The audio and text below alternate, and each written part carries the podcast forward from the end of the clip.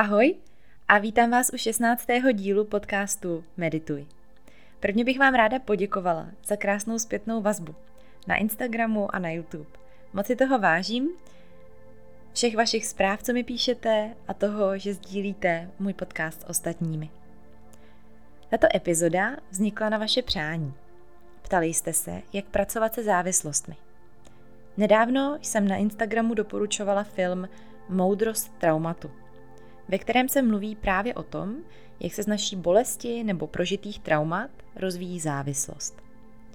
Ta nemusí být jen fyzického rázu, ale může být také psychického a o to je těžší si ji uvědomit. Někdy se nám připomene tím, že se nám stále opakují ty samé události, nebo máme pocit, že se točíme v kruhu.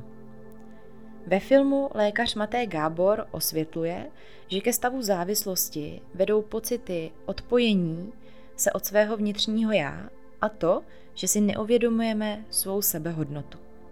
Neboli vztah, jaký máme sami se sebou. Dnes se na to zaměříme a zkusíme si všímat toho, jak hovoříme sami k sobě. Pojďte si jako vždy zvolit nějakou pohodlnou polohu, ve které se vám bude dobře dýchat. Dovolte si teď úplné pohodlí. Uvolněte obličej, krk, ramena. Můžete udělat pár půlkroužků hlavou od jednoho ramene k druhému. Zkuste zlehka otevřít hrudník, tak ať s nádechem můžete naplnit celé plíce vzduchem a s výdechem ho zkuste zvolna uvolnit. Začněte vnímat, jaké myšlenky se objevují ve vaší hlavě. Jak k sobě hovoříte? Pokud by se objevily nějaké negativní myšlenky, zkuste se zeptat, co je spouští. Pokud se žádné neobjevují, můžete sledovat svůj rytmus dechu.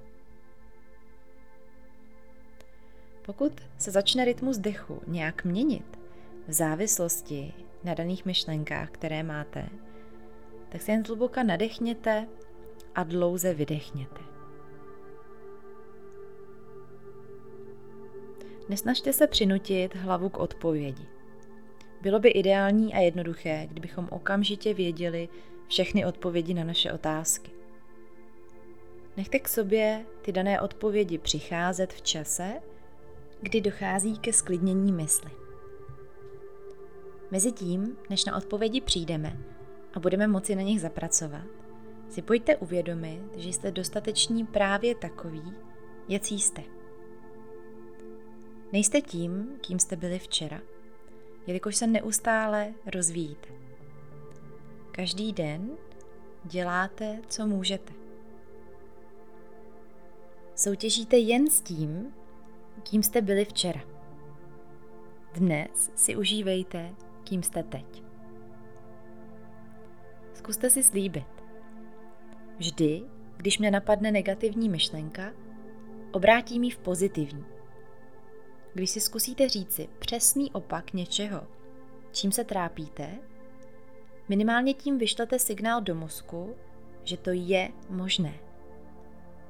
Mnohdy k sobě vedeme negativní monolog proto, že nic jiného neznáme. To ale ještě neznamená, že je to vše, co je možné. Pokud vás přemáhají pocity, že nemůžete nad svou závislostí zvítězit, Zkuste nebojovat sami se sebou, ale nabídnout si pomocnou ruku.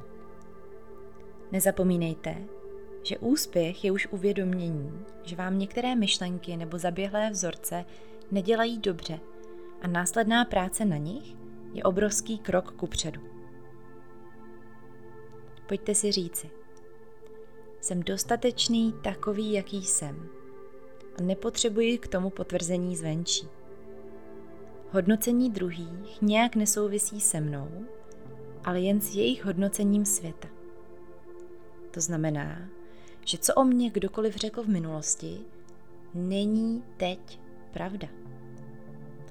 Má hodnota vychází z toho, jakým se rozhodnu být člověkem každý den. Utvářím svůj život a můžu ho kdykoliv změnit. malými krůčky pro velké výsledky. Každé ráno začínám svůj život na novo.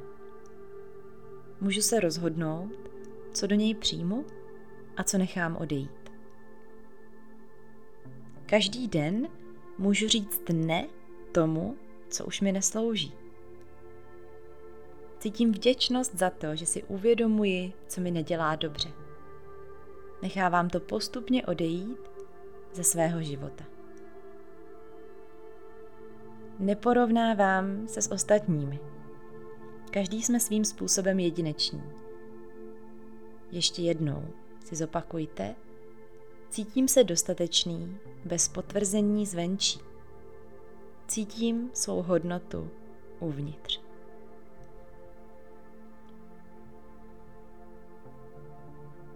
Vše je o úhlu pohledu.